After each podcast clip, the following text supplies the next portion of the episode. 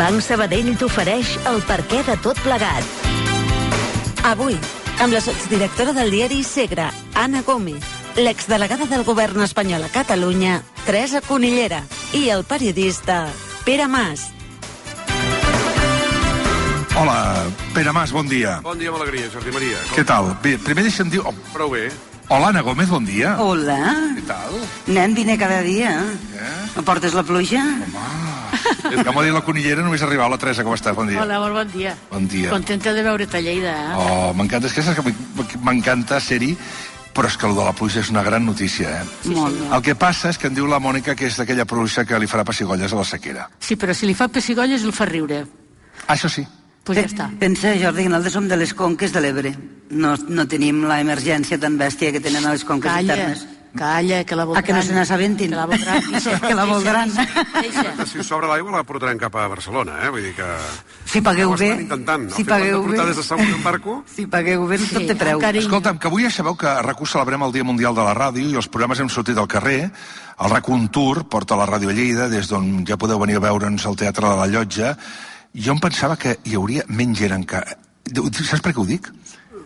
Perquè aquí la gent ve i passa i passa i tira i va, perquè d'aquí d'una estona vindrà més gent, a les 11 vindrà més gent, ve l'Alfred Garcia a cantar, vindrà el Josep Cuní i Llaudet.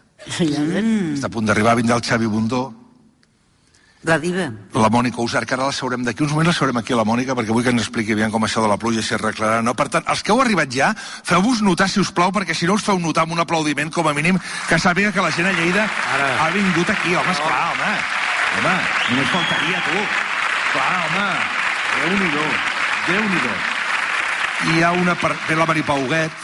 Oi, la Maripau, quines ganes tinc de veure-la. O el Rafael Ventura, que va estar durant molts anys delegat de Catalunya Ràdio aquí a, aquí a Lleida. I bueno, després farem el concurs de, per trobar l'oient que més sap de Ràdio Catalunya. Perquè sou molt de ràdio, vosaltres, Teresa? Tu, tu eres molt de ràdio, no? Sí. Ara eh, que faig una vida una mica més sedentària, no? Però quan havia d'anar més en cotxe, sempre, sempre m'ha fet companyia a la ràdio. A mi m'agrada escoltar la ràdio. Jo, jo, mm, Ràdio Forever. És a dir, jo vaig començar, quan vaig acabar Ciències de la Informació, em vaig quedar a treballar a Ràdio Barcelona, amb la que era professora meva, l'Anna Balletbó. Sí. I després vaig venir aquí a Lleida per qüestions, bueno, que el meu nòvio era pagès, Eh, ja suposo que en parlarem dels problemes dels pagesos i aleshores aquí vaig començar a treballar a Radio Ponent que era una emissora molt important eh, de parla catalana i després a la cadena 13 on precisament mm. treballàvem en un moment determinat devia ser l'any 1985 o 86 la Mari Pau Huguet Ah. el Rafael Ventura, servidora i uns quants periodistes més que han estat molt importants a les comarques de Lleida Ostres, el, uh, és a dir, allò que diuen de la Maripau Huguet, que la Maripau Huguet ha sigut sempre una dona de tele, va començar a la ràdio. No, va començar a Ràdio Terra, ella t'ho dirà. Vam començar juntes a Ràdio Terraferma, que es deia. Ella portava la unitat mòbil i a més em- tan simpàtica com sempre doncs eh, aleshores feia moltes coses amb unitat mòbil ara ja amb el Quantum i a vegades doncs em- anàvem als mercats anàvem a les fires i ella era un encant i després va fer les oposicions a TV3 i, i ho va deixar però la seva primera, ella t'ho dirà la primera feina va ser Ràdio Terraferma Aviam, i el Pere Mas, que com heu notat per l'accent, també és de Lleida. Exacte. De Juneda. Però, però brometa amb el Però tema de... explica-ho, si- explica. Sí, perquè ja el Tian. Riba se n'enfotia de tu, ja t'ho dic, El eh? dia de la meva presència aquí, jo t'haig de dir que vaig passar un estiu a Juneda. Ah. Jo tinc família a Juneda, que ho sàpiguen aquí. Uh, I, de fet, el meu pare va viure a Juneda dels 13 anys als 23. El meu pare té 91 anys, vull dir que això hem de rebobinar una mica enrere. Però el meu avi era secretari d'Ajuntament, es deia Pere Mas, era de Terrassa, com jo, i va venir l'Institut de Lleida. Per aquella època només podies venir a l'Institut de Lleida. Per tant, tinc un lligam lleidatà, amb la terra ferma, eh, la meva tieta Magda tenia pomers i algun altre fruiter, per tant, totalment vinculat al territori, i encantat d'estar aquí. I, eh, I si pregunto per la ràdio... Et fotré una xapa que et quedaràs acollonit. Sí, no? Perquè jo he treballat des de fa molts anys a moltes ràdios. Eh, quan tenia 13 o 14 anys i la gent escoltava la FM, jo escoltava a Ràdio Espanya Barcelona de la cadena catalana, que jo crec que tenia connectava, la cadena catalana connectava Sí, amb la amb cadena, Ràdio Terraferma. Terraferma, cadena 13. I trucava un programa que es deia Contraste de Pareceres. Sí, home, i tant, José Luis amb el Fernández de Abajo. I el Frederic Manescal. Sí. Amb 13-14 anys, cada divendres m'escrivia una mena de comentari esportiu i trucava a la ràdio, allà, allò que anaves marcant fins que t'agafava la línia, i sortia per la ràdio. Ho tinc tot gravat, això en caset. Fins i tot una vegada vaig guanyar el millor contraste de la setmana i em van regalar unes tapatilles Tubi. I la meva primera ràdio va ser anar allà a veure tota aquesta colla Que, bueno, és una cosa, de veritat, o sigui, jo de la ràdio no podria viure sense fer ràdio. El meu, el meu avi, eh, l'avi Pepito, que era el pare del meu pare, tenia una... Era, feia, cine, passava cinema, que et deia, en aquella època. Passar cinema era el que posava les boines als cines. Uh -huh. El de Cinema Paradiso, el senyor aquell. Sí, el cinema del Cinema Paradiso. Però es passava amb uns cines d'Horta, al barri d'Horta de Barcelona, un que es deia Cine Unión i un altre que es deia el Cine Dante, i el meu avi treballava també amb una distribuïdora de cinema que es deia Cinedia, que es va desaparèixer. I llavors li donaven unes, uns paperets petits, un quadrant d'un foli, per entendre'ns, que hi havien totes les, les, les portades, les, les, els pòsters de les pel·lícules. Sí, allò tan bonic. Allò tan bonic. Bueno, doncs en tenia milers. I llavors el que feia era agafava això i el dia de diumenge de partit es posava la cadena SER i es posava a escoltar el carrusel deportivo de l'època que el que el feia era un senyor que es deia, en aquella època, Vicente Marco. I llavors ell apuntava amb boli, jo què sé, Atlètic de Madrid, Sevilla. I sonava apuntant. I llavors cada vegada que cantaven un gol feia un palito. Saps aquests? Com si fos un número romà. Sí, clar, eh? I és- encara ho feia, això. Tota la tarda, amb la ràdio engegada, escoltant això, i aquest era el seu hobby. Jo el veia sempre, tots els diumenges a la tarda, que venia a dinar a casa dels meus pares, a Horta, eh, perquè ells vivien al centre de la ciutat, apuntar tot això. I allò, jo crec que veure el meu avi fent el futbol, els gols com els marcava i tal, per seguir, com sempre, la quiniela de la jornada, doncs allò a mi em va empaltar el tema de la ràdio. Jo, jo recordo la meva àvia escoltant, no sé si se'n recordarà algú, una novel·la que es deia... No, un programa que es deia Matilde Perico i Periquín, no El sona? Maria, suposo que deu ser el de la Maria Matilde Almendros. De la Maria Matilde Almendros, les I la, radionovel·les... I la de Doña Elena Francis, I, exacte, i l'Helena Francis, que també. era una institució I em feia molt de... Em feia gràcia algú que et parlava, que t'arribava a casa a través de les zones, i de fet, és que tots els mitjans que han vingut després són una meravella perquè tots ens ajuda a comunicar-nos, però és que la ràdio la pots escoltar al matí per llevar-te, per dutxar-te, mentre vas al cotxe, eh, a la nit per dormir-te, t'assabentes de tot i, i pots fer una altra cosa. Jo he vingut avui amb una amiga meva que em diu, jo m'escolto la ràdio. Per què? Perquè em permet mm, cosir, mm, treballar, teletreballar, fer qualsevol cosa i a la vegada et vas assabentant de què va el món. Et fa companyia, t'entreté, vaja, el que ens ensenyaven al periodisme primer, Sí. la màxima del periodisme quina és? Entretenir, informar, i per tant és una meravella. Uh, deixa'm que us digui una cosa, quina memòria teniu. Ho dic perquè hi haurà un president dels Estats Units... Ostres. Pobre.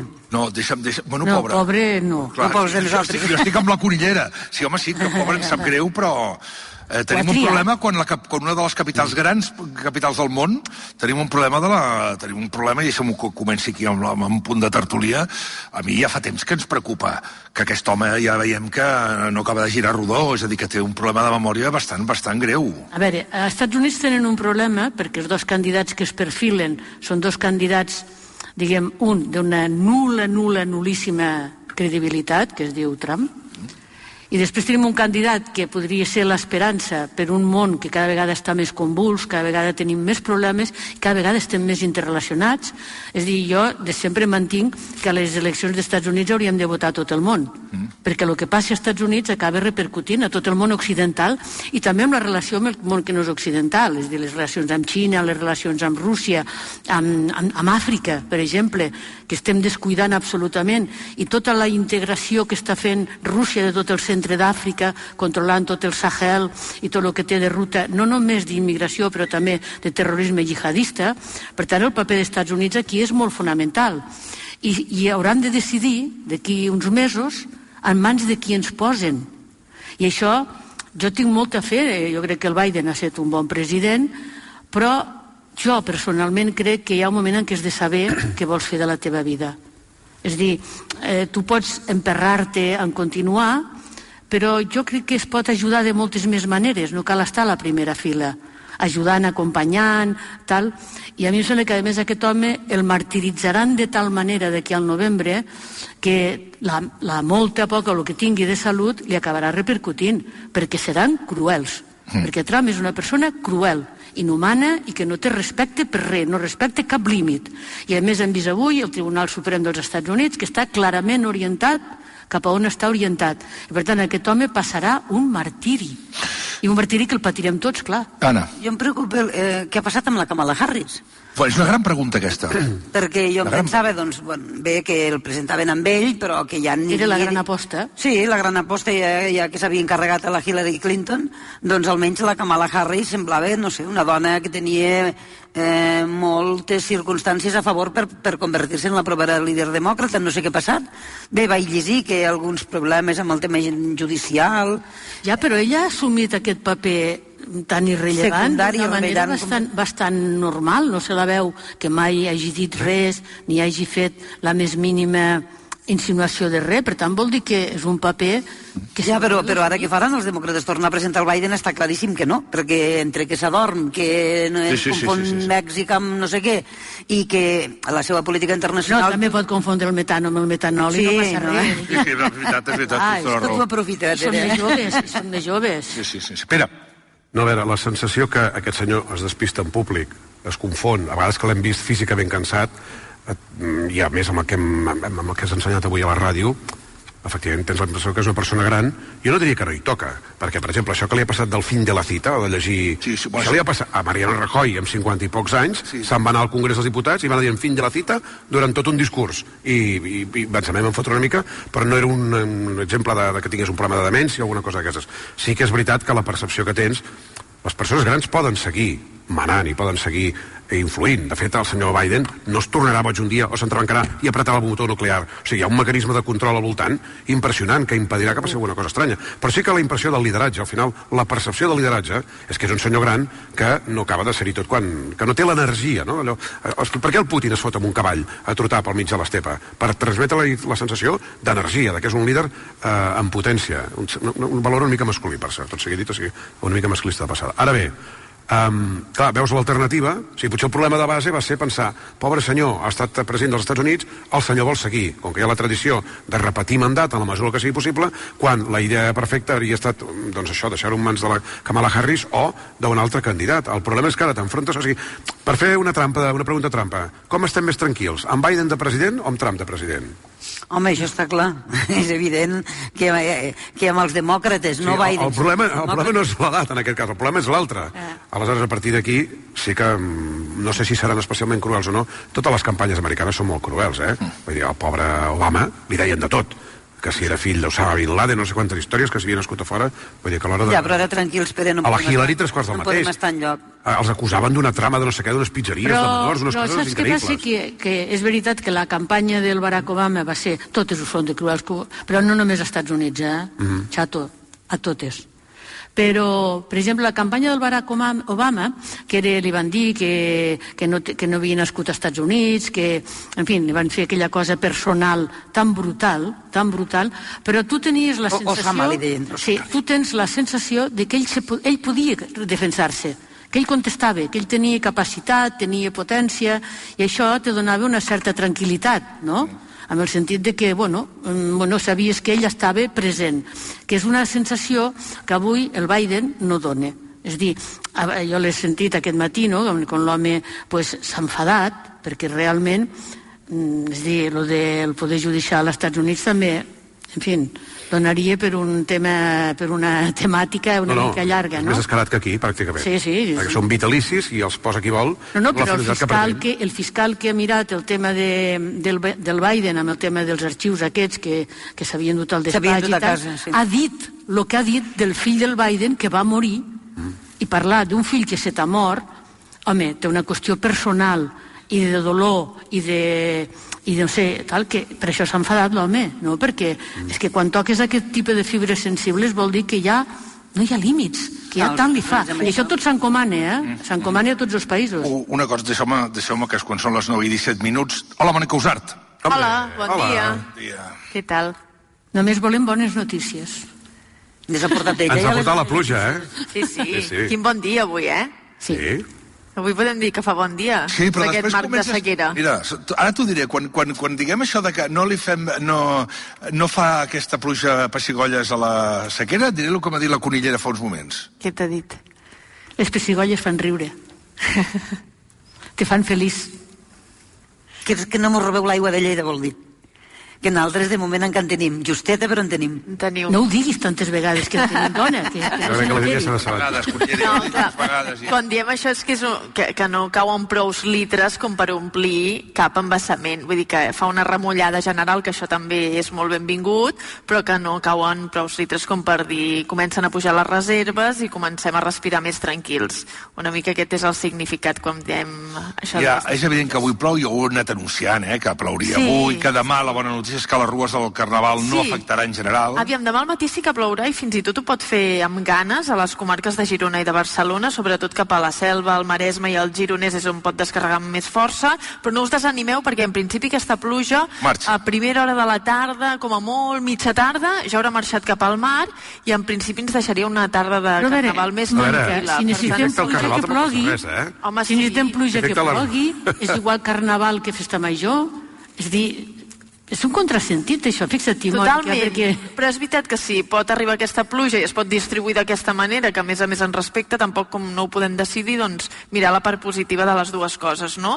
Ens arriba la pluja per una banda i per una altra, en els moments claus aquests del Carnaval, doncs sembla que, que afluixa aquesta pluja. Val. Llavors, eh, res. Pessigolles i ja està.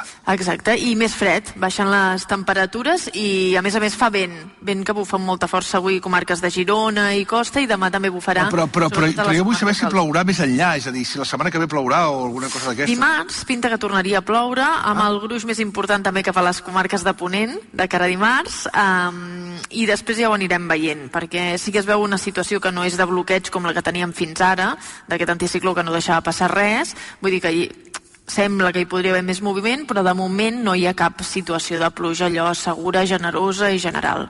De moment no. I neu, neu. Neu, aquests dies sí que, tant avui com també demà, aquesta cota de neu baixa amb la temperatura fins als 1.000 metres fins i tot al Pirineu, per tant, si no seran grans nevades, però sí que tindrem alguna nevadeta. Després parlem del llibre. Molt bé. La Mònica Usart ha fet un llibre. Ah, sí? Sí. Que es diu... Ai, Diguem bé el títol, eh? possible. Digues, digues. fenòmens extrems. Fenòmens extrems. Després en parlarem. Molt bé. I després, aquí uns moments, a volta de la publicitat, vull que l'Anna Gómez m'expliqui la Sixena, les obres, saps Sí. tot això? Que m'expliquis, eh, li faré una trucada amb el, amb el, amb el Lluís Puig, que és, és de les coses més bèsties que li han passat a alguna persona, que és que va estar tres mesos i mig de conseller i està fora del país. I el Santi Vila igual, eh? Sí, sí. Pues, És igual tres d'injust mesos i mig, eh? però tres mesos i mig, a més amb aquest merder que l'han fotut ara també als tribunals, ara en parlarem, i després, res, en breu també, en aquest estudi improvisat aquí a la llotja de Lleida, l'alcalde Fèlix La Rosa, que ens acompanyarà també aquí al Món Arracú, just abans que arribi el Xavi Bundó amb el Josep Cuní, que venen junts, dues divas del país. Xavi Bundó, el Pa present, paraules majors. el Xavi Bundó present i futur. Haurem de posar drets. Sí, sempre. Quan arriba Josep Cuní, sempre ens hem de posar drets. Ell posa la mà així, com si fos el, el Vito Corleone, i nosaltres li farem un petó. Oi, oi, oi. Un segon, sisplau, que de seguida continuem aquí al Món a RAC1. RAC1 us està oferint El món a RAC1 amb Jordi Basté des del Teatre de la Llotja de Lleida en la celebració del Dia Mundial de la Ràdio amb el suport de CaixaBank, la Diputació de Lleida i l'Ajuntament de Lleida i amb la col·laboració de Birba, Carlit, Torrons Vicenç, Montse Interiors, Cellers Maset i Instituts Odontològics. Ja hem començat el dia de la ràdio aquí a RAC1, som a la llotja de Lleida, d'aquí uns moments l'alcalde eh, Fèlix La Rosa aquí. Feu-vos notar una altra vegada perquè facin veure que Lleida està escoltant la ràdio també i que està amb nosaltres. Veus? I veient-nos per la tele. Ah, sí, és veritat. Explica-ho. Estan veient per la tele. Espera, explica-ho, explica-ho, explica-ho. explica Bueno, és la tele del Segre, no? Per televisió i càmera. Lleida. Sí, sí, sí. Hola, saludo a la gent de Lleida Televisió que ens estan veient. Efectivament. Que fa molta il·lusió que ens estan veient per la tele de Lleida. Ah, De Lleida No ho Televisió, sabies? No ho sabies? Anda, la que no ho nostra, home, que ho sabia. És la seva tele, és la la tele del Segre. del grup Segre. Um, Anna, pots explicar Ai. què passa amb Sixena? Eh, quanta estona em dones?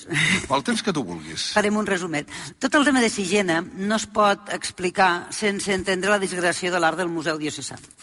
És a dir, quan eh, Aragó intenta portar a la política el que era la unió de la diòcesi i trencar la col·lecció del Museu Diocesà, comença una guerra estúpida, est- estèril, i que mai se va arreglar per culpa de la política. Hi va haver una vegada amb el Pasqual Maragall, la Tere se'n recordarà, i la Caterina Mieres, em sembla que era la Caterina consellera, Mieres, sí. eh, que van estar a punt d'arribar a un acord, perquè... No, la- ja estava l'acord fet, eh? Correcte, va fal- afirmar-lo. En, el moment, en el moment que vivim en què amb realitat virtual tu pots veure qualsevol cosa, eh, hagués pogut perfectament arribar a un acord de veure les obres aquí i a Aragó. Però no, la política ho, ho va impedir i llavors tot va anar a la via judicial. S'assembla una mica amb la política del procés. Interessos polítics acaben destruint l'art de la gent. I aquest és el capítol del Museu Diocesà, que ja sabeu que va acabar amb una altra ignomínia que gràcies al 155 se van emportar les obres que havien estat de la diòcesi de Lleida. I lo de Sixena és capítol 23.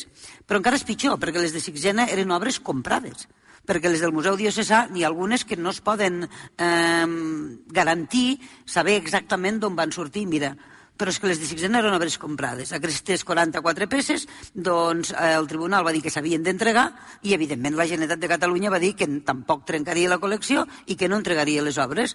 I ha anat fent els processos judicials fins que ahir, o abans d'ahir, ahir em sembla, que ja s'ha dictat judici oral contra els exconsellers Santi Vila i el Lluís Puig i se sentaran a la banqueta, em sembla que de moment ja els hi demanen entre 14 i 17.000 euros de fiança, que ja van tindre que deixar per l'altre litigi, i anar sumant, anar simant.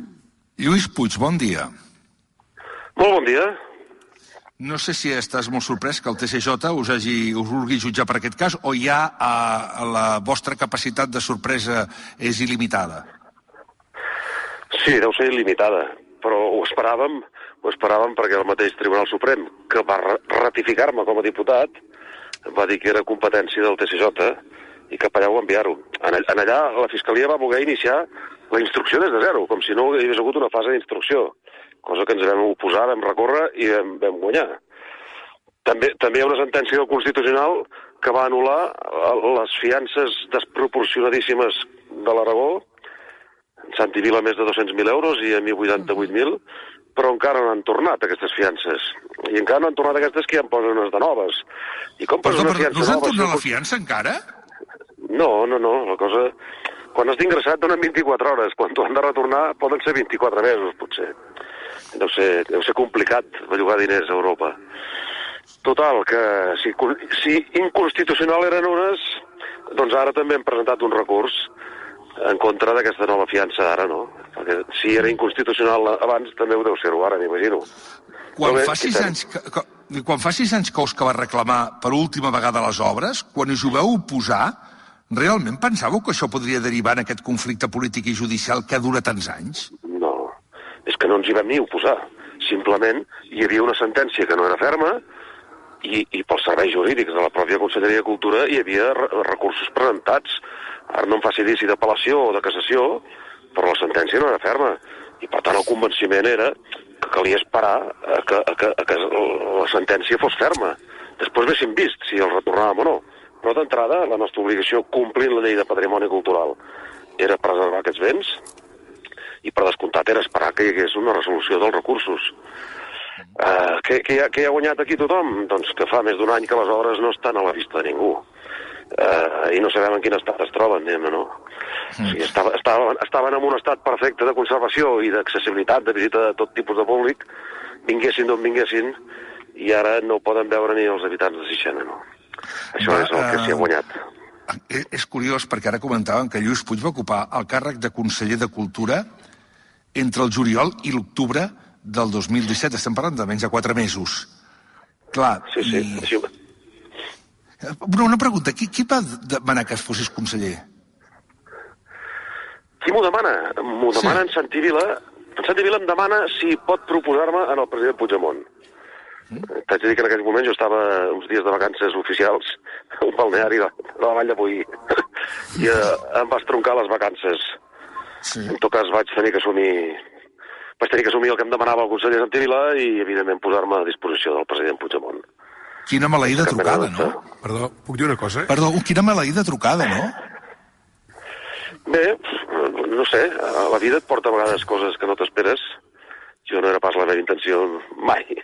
Havia pensat de ser conseller, però també vaig entendre que portava sis anys de director general de Cultura Popular i que ja ens havíem manifestat i havíem dit les coses que, que defensaríem, la realització d'un referèndum i que intentaríem aplicar-ne la, el, el, el resultat, no? Per tant, si jo compromès ja m'hi sentia amb el procés i, bueno, no, no, no això dic que no vaig dubtar molt, perquè vaig entendre que si em tocava, em tocava, i ja està. Cap problema.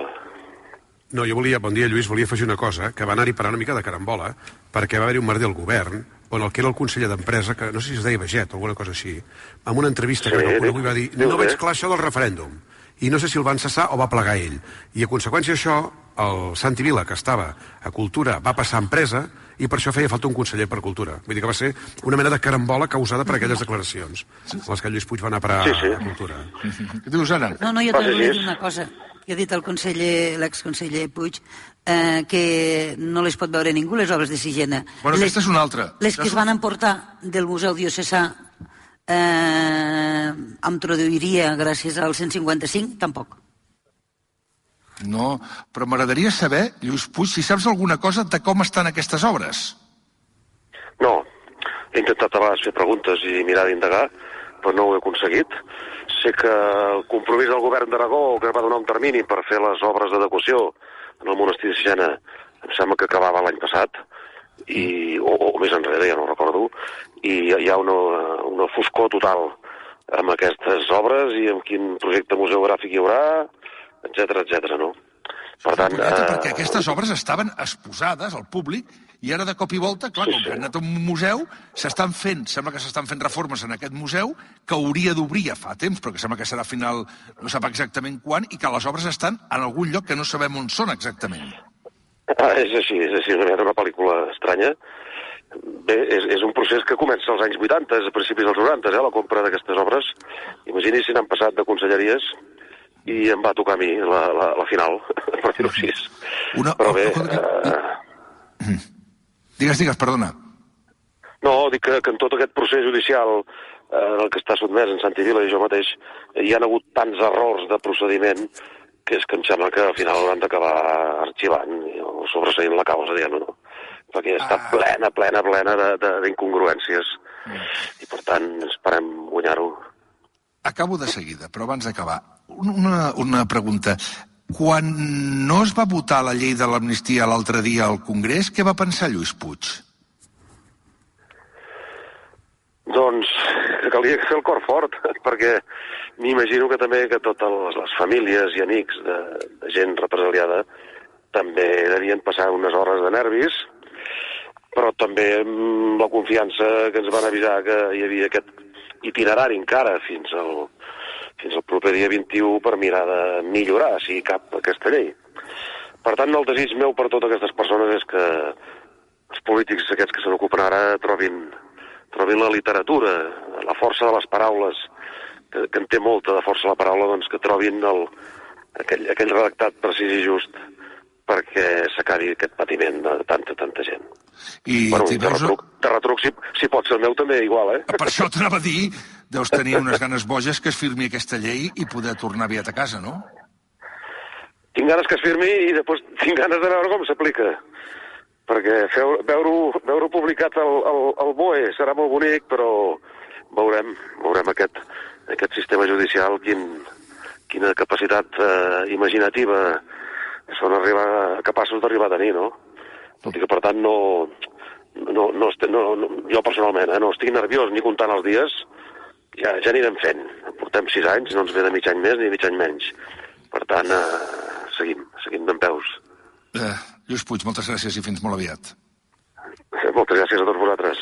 Que vagi bé, bon dia. Que, que la, gràcies, una abraçada. Que, que, que, que, que la política no permeti que es vegin unes obres d'art? Però és que això no va començar per la política. Això és que, si mirem l'origen de la història, és quan es parteix el jutjat de Lleida, ai, el bisbat de Lleida. El bisbat de Lleida es parteix perquè tingui bisbat Barbastre. I no cal que expliqui qui era de Barbastre, qui té un monestir dedicat, i, i per tant hi ha una orientació des de bon començament. Això es va mantenir els primers anys, el litigi era entre bisbes, i per tant, jo me'n recordo que aquest tema fa molts anys ho portava el nuncio, aquell nuncio famós que es deia Tallaferri, no sé si se'n recordeu, que mm, bueno, jo vaig tenir ocasió de conèixer-lo i a mi quasi no em parlava, perquè me mirava, saps, com si no existís, cosa que m'honorava molt, també t'ho he de dir, però bueno. I, per tant, aquest era un litigi que es va mantenir els primers anys en l'àmbit de l'Església. I quan va fer el pas, diguem, a un altre, a un altre àmbit, allí, pues, con, eh, allò com era, con, el, con esto hemos topado, amigo Sancho, no? I aquí va haver un problema perquè en un primer moment l'acord que es va fer la Caterina Mieres i la i no me'n recordo com era la consellera, sento eh, no recordar-me del nom, eh, la Eva no sé què, l'acord, que després es va reproduir en època del Santi Vila, era una sola col·lecció, dos museus. Mm.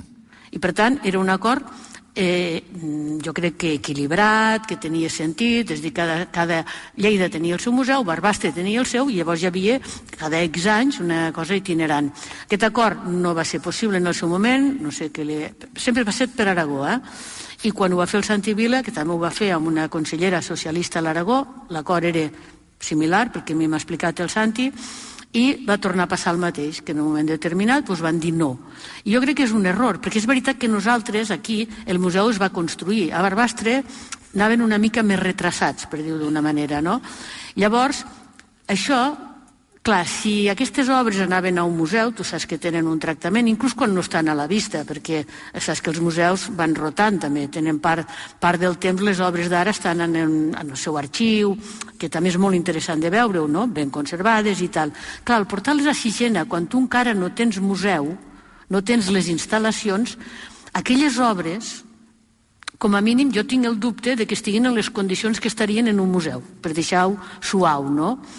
I l'accessibilitat doncs, en fi, molt limitada, no? I jo crec que és una qüestió no tant, és dir, això es va enredar no tant en interès de les obres, perquè és veritat, el que deia abans l'Anna, de que hi ha unes que estan acreditades que el bisbe Messeguer les va comprar, però és, Aragó posava en qüestió que això fos així, perquè era el bisbe i per tant no, no estava acreditat i tal, i n'hi ha d'altres que no tenen cap acreditació de pertanyença, però igual que no la tenen aquí, no la tenen allà. Clar. Per tant, s'havia de solventar amb aquest acord. Mm. Llavors això jo crec que sí que en aquest moment, i a més, a veure, eh, és que el recorregut és molt tortuós per pensar que realment l'interès són les obres d'art. Mm. I aquí ho deixo. Anna, un, en breu, sisplau. No, no, només amb tot el que diu, amb una petita discrepància. Sí que va començar per raons polítiques, perquè José María Limiñana, que és el, el, el pàrroc eh, de Roda d'Isàbena que va començar tota l'empenta per disgregar el Museu Diocesà de Lleida, doncs, evidentment, de seguit ell potser sí que volia per la seva diòcesis, però de seguit va rebre el suport dels presidents d'Aragó de torn i a excepció del Marcelino Iglesias, tots els altres, sobretot l'Olamban, que és el darrer, doncs devia tindre de socialista el nom perquè, eh, i de cristià ni això, perquè no era repartir, sinó eh, intentar Tu fixa't que ara comencéssim a, a trencar totes les col·leccions d'art del món. No solament, per què només la del Diocesa de Lleida? El, el Museu Britànic, eh, el, el MENAC, hi ha obres de, de Taüll, que també els de Taüll també els hi faria gràcia. Els no, no, les tenen reclamades. Les tenen reclamades, però mai s'ha fet cap pas perquè el sentit comú diu que si es desgregue tot, doncs no oblidis mai que l'altre no oblidis mai que l'altra diòcesi es diu Barbastre i té el monument que té el personatge que el té. Sí, sí, per suposat. Per tant, aquí hi ha un... que és el que deia abans, pes, tampoc eh? se poden veure Barbastre, perquè estan fent obres, ara no poden... Ara, ara imagino, si algú d'aquí pot anar, doncs que vagi a veure les condicions en què estan, que les, eh, amb una llumineta els hi fan, els hi fan calor, vull dir... Ah. En fi. Senyor Pain, cap de Lleida, Félix La Rosa, bon dia, moltes gràcies per acompanyar-nos. Molt bon dia, bon dia Lleida i bon dia Catalunya. Molt bon dia. Estar aquí. Com, com està? Molt bé, i vostè? Molt bé, moltes gràcies. Molt animat. Està, Estic molt animat. He, he de dir que he dormit molt bé, cosa que està molt bé, que, hem, que, que, que veure pluja és un fet que és poc habitual entre la gent d'allà baix, perquè entre altres coses no en veiem gaire, aquí en veieu més, i que estem molt contents de ser aquí, la veritat. Molt bé. Ha fet com eh, vostè sap que Melchor, Gaspar i Baltasar ens van portar molta aigua, Efectivament. Reis, i avui, quan venia cap aquí, pensava, ah, tenim el rei Jordi, que ens ha portat aigua. Està bé, hauria de ploure uns dies més, però vaja, eh, estem contents de que estigui, estigueu, estigueu aquí i que més plogui. I, I ahir ens va portar Rodalies, el sol. Ah, exacte, el sol ens va portar Rodalies. Estem d'enhorabona. Una part, una part de Rodalies només. Eh? Això de Sixena té alguna opinió formada del que està passant? Bueno, pues ahir va intercanviar missatges amb, amb en Santi Vila i va posar una mica al dia de, de, bueno, del, del procés que està patint, no? I al final és tot un despropòsit, perquè eh, jo estic convençut que amb, amb aquest espai d'entesa ens hauríem d'entendre, no? I hauríem d'avançar amb, amb, amb cooperació, hauríem d'avançar amb passar pàgina i mirar endavant. No? Al final, eh, la col·lecció va marxar d'aquí de males maneres, tots ho, hem, ho sabem, i, i, i, i al final d'aquella història, aquesta altra història, no? que al final eh, és tot per una tossuderia d'algú, eh? d'algú, perquè tinc la impressió que els governs eh, s'entendrien, estic absolutament convençut que els bisbats s'entendrien, i al final eh, tots els que som aquí tenim eh, parents a la franja, eh, ells resen en català, nosaltres eh, resem eh, en català i amb el que volem, no? I, i sempre hem estat territoris que ens hem trobat més que ens hem distanciat. Hem de ser capaços de... de es pot arreglar de, això? Jo crec que sí. Jo crec que havíem de posar, eh, ens hauríem de posar a treballar en aquesta direcció. Però al marge, el que està clar és que els contenciosos eh, s'haurien de retirar. Hauríem d'anar a buscar aquesta eh, tranquil·litat, aquesta pau que necessita poder seure, parlar i construir. Mm. Com es pot arreglar això ara, per exemple? A dir, Bueno, qui ha de fer el primer moviment? Bueno, jo, jo crec que el que hem de fer és eh, parlar eh, les institucions, unes amb les altres, per veure com eh, som capaços de, de compartir col·leccions, de, de, de cooperar eh, incentivant eh, les visites a unes i uns altres espais, veure de quina manera podem construir un nou relat. Mm, aquesta és la, la, la clau, claríssimament. Tornar a les obres crec que serà molt difícil que puguin tornar, eh, però en qualsevol cas sí que és bo que totes dues institucions, els museus, els bisbats, les administracions, puguin treballar conjuntament sense cap mena de dubte. Eh, aquesta està la setmana, alcalde, i, i ho sabrà vostè eh, millor que ningú, de, de mobilització de la pagesia. Una mobilització molt important, eh, i una mobilització que mm, jo crec que és molt diferent el que està passant a Catalunya del que està passant a la resta de l'Estat. Uh -huh. A la resta de l'Estat sí que veig un condicionant polític. Casualment hi ha problemes, aviam, si entren els tractors poden entrar a Madrid. Jo crec que hi ha un moviment polític aquí que s'està està utilitzant aquesta tracturada a nivell de l'Estat, fins i tot estan dient que s'hi haurà eh, problemes per poder que es pugui celebrar demà la cerimònia dels Goya a Valladolid. En canvi, el Catalunya ha estat una altra cosa. Ha estat un moviment absolutament festiu, absolutament pacífic, absolutament reivindicatiu, i, i m'agradaria que vostè donés la seva opinió sobre què li ha semblat aquest moviment i què li sembla totes les protestes del sector primari. Miri, eh, la, ciutat de Lleida té 19.000 hectàrees eh, de territori agrari, a més a més eh, molt actives. Eh? Fem de tot, produïm aliments i a més a més eh, configuren el, el nostre imaginari, la nostra forma d'entendre la vida. Eh? És un model de vida. És veritat que la ciutat és una ciutat gran, s'està fent molt gran, anem directes als 150.000 habitants, ens consolidem com a segona capital de Catalunya des d'un punt de vista geopolític, claríssimament, però eh, tenim una dependència i també mm, ens estimem la pagesia. I aquesta setmana la pròpia paeria, el govern que encapçalo, ha, ha fet públic una declaració de suport absolut a la situació que pateixen, perquè no és una situació d'ara, és una situació que es va arrossegant. És veritat que ara segurament s'han produït una sèrie de, de, de condicions que fan que mm, estiguin més, eh, pateixin més, no? Eh, costos, preus, eh, aigua, mm, legislació, etc. No? I hem de fer aquesta reflexió. Nosaltres eh, volem presumir, mm, parlo com a Catalunya, com a país, eh, volem presumir de, de ser sobirans des del punt de vista de la producció d'aliments? Sí, doncs hem d'ajudar la pagesia. Li hem de posar les coses fàcils. O és que no són bones eh, les nostres eh, produccions agrícoles, no? la nostra fruita, les nostres verdures. Eh, sempre heu estat parlant del nostre oli, sempre he estat... Eh, tant, hem de, hem de ser conscients que perquè això segueixi i que a més configuri un país equilibrat, que no només ha de pivotar sobre la costa, no? que al rerefons, a Ponent, també tenim que tenir la capacitat de poder eh, dur a terme el, el nostre projecte de país, la nostra part de projecte de país, hem d'ajudar la pagesia. Mm, és veritat que ens estimem més, per exemple, que es facin inversions en modernització de rec que no que tinguin que donar ajudes després quan les coses van mal dades. És veritat que hem de tenir l'oportunitat de tenir una bona formació de la nostra gent jove i sobretot ajudes perquè puguin avançar, puguin eh, efectuar un veritable relleu generacional, no pas tenir que eh, compensar quan s'abandonen eh, i es deixen els terrenys erms. No? I aquesta és la clau, és a dir, hem d'incentivar aquesta eh, transformació important del nostre sector agrari eh, per modernitzar-lo, eh, per posar-lo eh, en, el, en el punt de mira de tot el món. No? I això és el que hem de fer. I és veritat també insisteixo, amb la que és veritat que el, el, els nostres pagesos i les nostres pageses han fet aquesta reivindicació una reivindicació amable, una reivindicació dura, però una reivindicació exigent. No? I en altres indrets doncs, és cert que els determinats partits, eh, oposicions polítiques que ho aprofiten tot per anar en contra de tot, per desestabilitzar el sistema o per a desestabilitzar les institucions, doncs ho aprofiten. Però a mi em sembla que tothom sap on som, tothom sap on és i tothom sap el que s'ha de fer. Saps on va la tracturada a Madrid, Pere, demà? Saps on, on es vol dirigir? Bueno, suposo que al carrer Ferraz. Ferraz. No? Sí, sí, sí, sí, clar, això Però fixa't, tu has d'anar a la seu del poder, i el poder està a la Moncloa, o està als ministeris d'Agricultura, o a les delegacions de la Unió Europea, però anar a Ferraz vol dir que hi ha una significació política. Evidentment. Vas a la seu del partit. Evidentment. Allà on cridaven aquelles coses a les Per manifestacions... això, per això, per això crec que ara, per això crec que la diferència és abismal entre el que ha passat aquí i el que està passant en aquests moments a nivell de l'Estat, no? Com, per exemple, i una cosa, alcalde, que sí que se l'ha de felicitar, que és el tema de com s'ha arreglat el tema de la sequera. És a dir, la sequera, que és evident que ha agreujat la situació dels pagesos, aquestes setmanes s'ha sabut que el consum d'aigua potable a Lleida s'ha reduït molt fins al punt que ha arribat al nivell més baix dels últims 20 anys. Sí. Com s'ho ha fet? Bueno, eh, ho hem fet mm, doncs de, de moltes formes. La, la primera, invertint. Invertint nosaltres.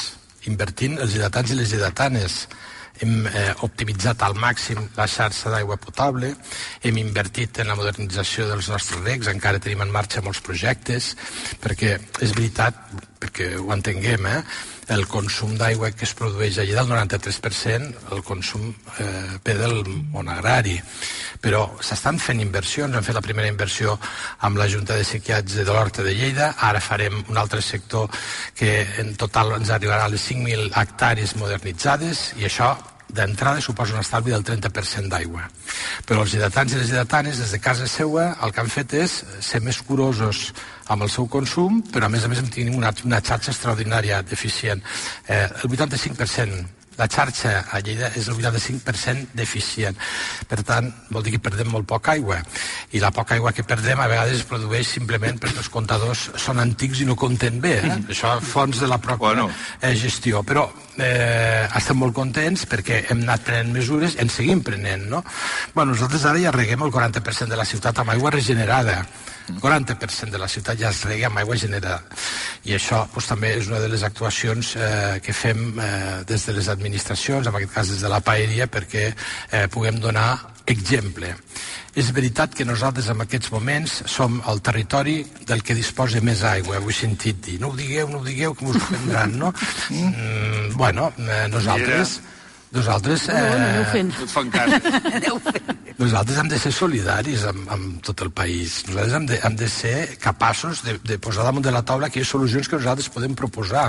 I també està bé que aquesta reflexió que feia abans sobre les necessitats que tenim des del punt de vista de la inversió pel desenvolupament d'un nou, model industrial vinculat al sector agroalimentari o, per exemple, que s'acabin les rodalies, no? Uh, es parlava abans, eh, rodalies de Lleida. Ara en tenim dos de línies, la de Balaguer i la de Cervera, però ens falta la de Borges i la més important, la de Montsó, perquè la relació que tenim en aquests moments des del punt de vista econòmic, des del punt de vista social, des del punt de vista de centralitat i de capitalitat política és extraordinària i per tant hem de facilitar també el transport eh, el, pel ferrocarril. És a dir, que hem de posar a la taula tot el que tinguem que posar i, i, i sobretot eh, sumar. Aquesta és, la, aquesta és la meva proposta, aquesta és la meva eh, visió de què és el que podem fer nosaltres i què és el que pot fer el govern de Barcelona, especialment per nosaltres. Eh, Anna, A veure, és que a vegades tinc la sensació que, que Lleida clamem amb el desert, no? Perquè nosaltres ja fa molt de temps, molt, que els pagesos i els ramaders saben que ve un canvi climàtic, saben que la cultura de l'aigua requerirà eh, més estalvi i la modernització de, de les plantacions fa anys i panys. Si no, aquest estiu, quan van tancar el canal d'Urgell, la producció de pomes i peres i préssecs hagués estat ruïnosa i ha estat igual o més alta que la de l'any passat, que hi va haver sequera, i, ai, perdó, que hi va haver gelades. Què vol dir això? Vol dir que fa molt de temps que invertim. El programa aquell, per exemple, de que el sector porcí de Lleida era el més contaminant del món mundial i que pràcticament ens estaven morint les capes freàtiques, fa molts anys que els ramaders, molts, eh, saben que els nitrats s'han d'anar reduint. S'han fet les plantes més importants de, de purins que hi ha a Catalunya i s'han fet a Lleida. I per tant nosaltres no, no crec que ens hagin d'ensenyar gran cosa en general de com adaptar el, la realitat eh, medioambiental a les explotacions agràries. El que no podem fer és deixar morir les petites explotacions, perquè de conreus n'hi haurà igual, el que passa és que s'ho quedaran quatre empreses. I, per tant, si volem mantenir l'ecosistema de vida de la pagesia, del el que ha estat el nostre progrés, que ha estat les petites i mitjanes explotacions, hem de fer alguna cosa. El que passa que els catalans són molt desgraciats, perquè, no, no, així t'ho dic, nosaltres som l'únic país que ens hem manifestat amb una flor i un lliri a la mà des del 2017 eh, sense intenció de matar ningú, per suposat, eh, i sense matar ningú, i ara ens acusen de terroristes. I ara nosaltres iniciem iniciem, ho va iniciar França, però ens tirem al carrer, anem a Barcelona, sense fer mal a ningú, també amb un lliri la mà, i, evidentment, doncs, aconseguim que la Generalitat, eh, el, el president Zapatero també va anunciar que la cadena alimentària la revisaria i fins i tot Europa va dir que revaluaria... Zapatero? Ai, Zapatero. Pedro Sánchez. Que ho, ho està fent tan bé Zapatero darrerament. Sánchez, sí. Sánchez, que revaluaria la cadena alimentària i fins i tot la Comissió Europea. Eh, la Ursula von der Leyen va dir doncs, que tot es pot revisar. I bé, doncs estem contents. Eh, Contents no en podem estar perquè això només és un, un petit pas.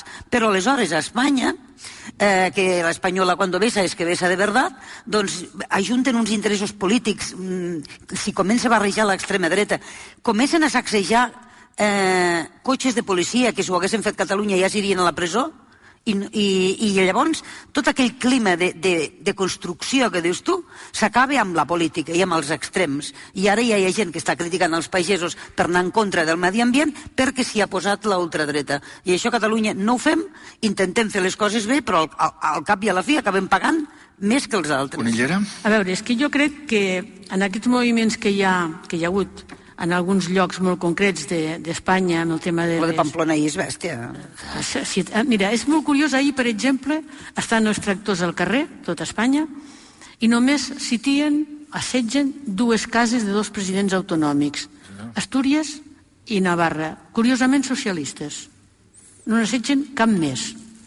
Eh, I, per tant, jo crec que aquí hi ha un moviment que és evident, no vull dir entrar al detall, però a mi em fa por que estiguin desviant l'atenció de lo que és important. Mira, jo vaig ser ponent de la primera llei de cadena alimentària que es va fer, nosaltres estàvem a l'oposició, ponent principal era un diputat que es diu Alejandro Alonso, de Castella-La Manxa, en sap un munt d'això, vam tenir poca chance perquè el PP no ens va fer cas, però també t'he de dir una cosa, no desviem l'atenció de lo que és realment important. On es produeixen aquests des desequilibris tan importants en el que és la producció i el que és el preu al supermercat o a la botiga del barri? Es produeix en tota la cadena, no alimentària estrictament, sinó comercial, en què es va fent tota una sèrie d'esgraons, el que ho porta, el que tal i qual. Perquè aquí és on es fa l'increment de preu. I, en canvi, jo no he vist ningú que assetgi ells ho saben, vull dir, No, saben perquè són empreses a qui li venen i que aquests que li venen després fan el seu, govern, el seu negoci com ha de ser. Però aquest desequilibri entre la sortida i l'arribada al consumidor, jo crec que és on hem de fixar l'atenció. Jo crec que aquí sí és on, s'ha de fixar l'atenció, perquè la cadena alimentària, la llei de cadena alimentària ja prohibeix la venda a pèrdues tot i que el PP ja ha estat molt resistent durant molts i molts d'anys, però això ja està prohibit. Per tant, el que s'ha de fer és un compliment de la llei en aquest sentit i després hi ha una cosa que a mi eh, m'ha cridat molt l'atenció i és veritat, jo la comparteixo, que és tot el tema de la burocràcia. Jo crec que les administracions tenim, tenen l'obligació de donar una resposta a que això sigui igualment estricte. Jo no dic que s'hagi de rebaixar els nivells de- de- d'exigència, de, perquè, bueno, pues, en, Són algun, diners públics. en alguna part doncs, el nivell de picaresca és absolutament notori i, i demostrable, I per tant estem parlant dels diners que tots nosaltres paguem impostos, no? I així, però s'ha de facilitar. I per tant també hi ha una qüestió molt paral·lela, però que s'ha de dir, s'ha de reivindicar que les administracions tinguin les dotacions suficients, tinguin la, la, la, els mitjans suficients perquè aquests diners siguin efectius. Pere Mas, per acabar. Un parell de coses. Una, sobre el que hem descobert aquests dies, qüestions delirants, com el tema que, que mencionaves de la burocràcia. O sigui, no pot ser que després de les protestes dels pagesos ara surti la Generalitat dient que sí, que ara farem un portal únic per fer tots els tràmits. Escolti'm una cosa, quan has de pagar amb l'agència tributària, aquell portal funciona de meravella. Quan compres una cosa a Amazon, tu veus el paquet a quantes parades està de casa teva. És veritat. Uh, la meva salut també funciona més que bé.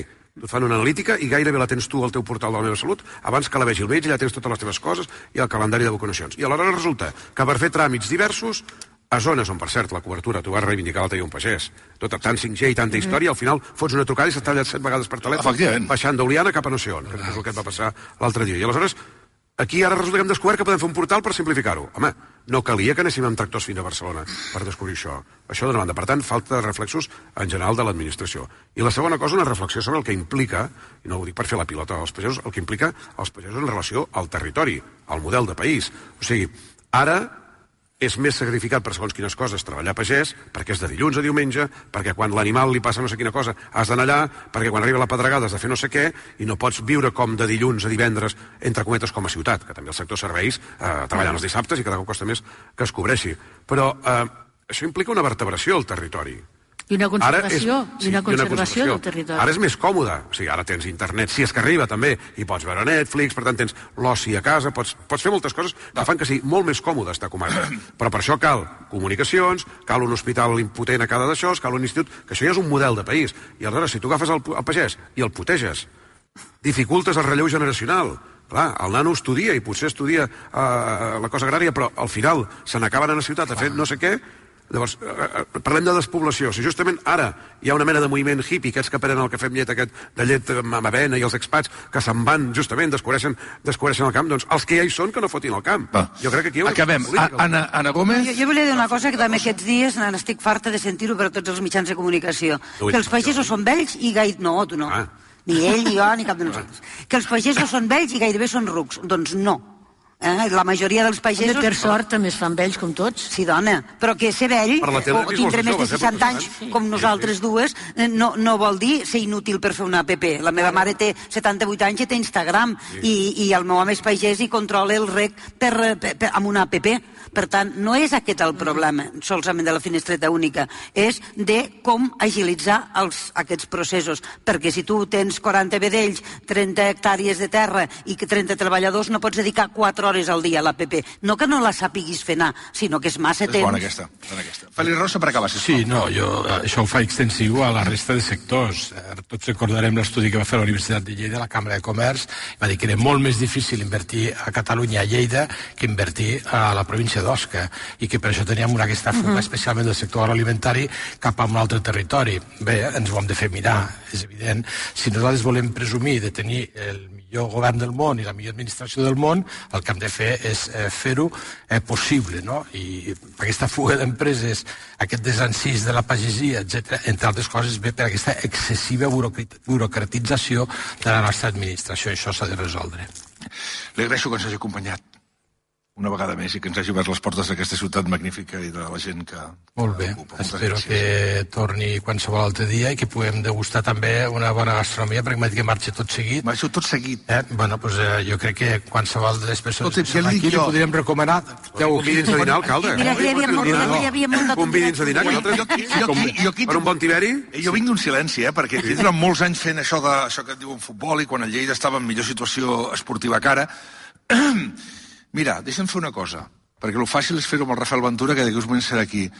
Deixa'm dir que quan jugava aquí a la Unió Esportiva Lleida i veníem a fer els partits i pujàvem aquí, que anàvem a, amb en Mario Duran, que era el president del Lleida en aquella època, i em portava aquell restaurant que tenia La dolceta. que era la Dolceta, que encara hi és, no? Em sembla Sí, que i la tant, i i tal, que és un lloc magnífic. A Barcelona hi ha un altre lloc també molt a prop de rac precisament, i que anàvem amb aquella gent a qui vull, vull recordar especialment, que són amb en Dani Badia i amb en Josep Maria Perelló, que eren dues de les persones que portaven la redacció de Catalunya Ràdio aquí a Lleida, del qual avui no em puc estar de recordar i de no oblidar perquè van ser excel·lents companys eh, magnífics cordons umbilicals del que és allò del centre del país amb, amb, amb Lleida i que van engrandir l'esport de Lleida. Mm. Per tant, un record molt gran pel Dani, pel Josep Maria, però sobretot per les famílies del Dani Badia i del Josep Maria Parelló en aquest matí.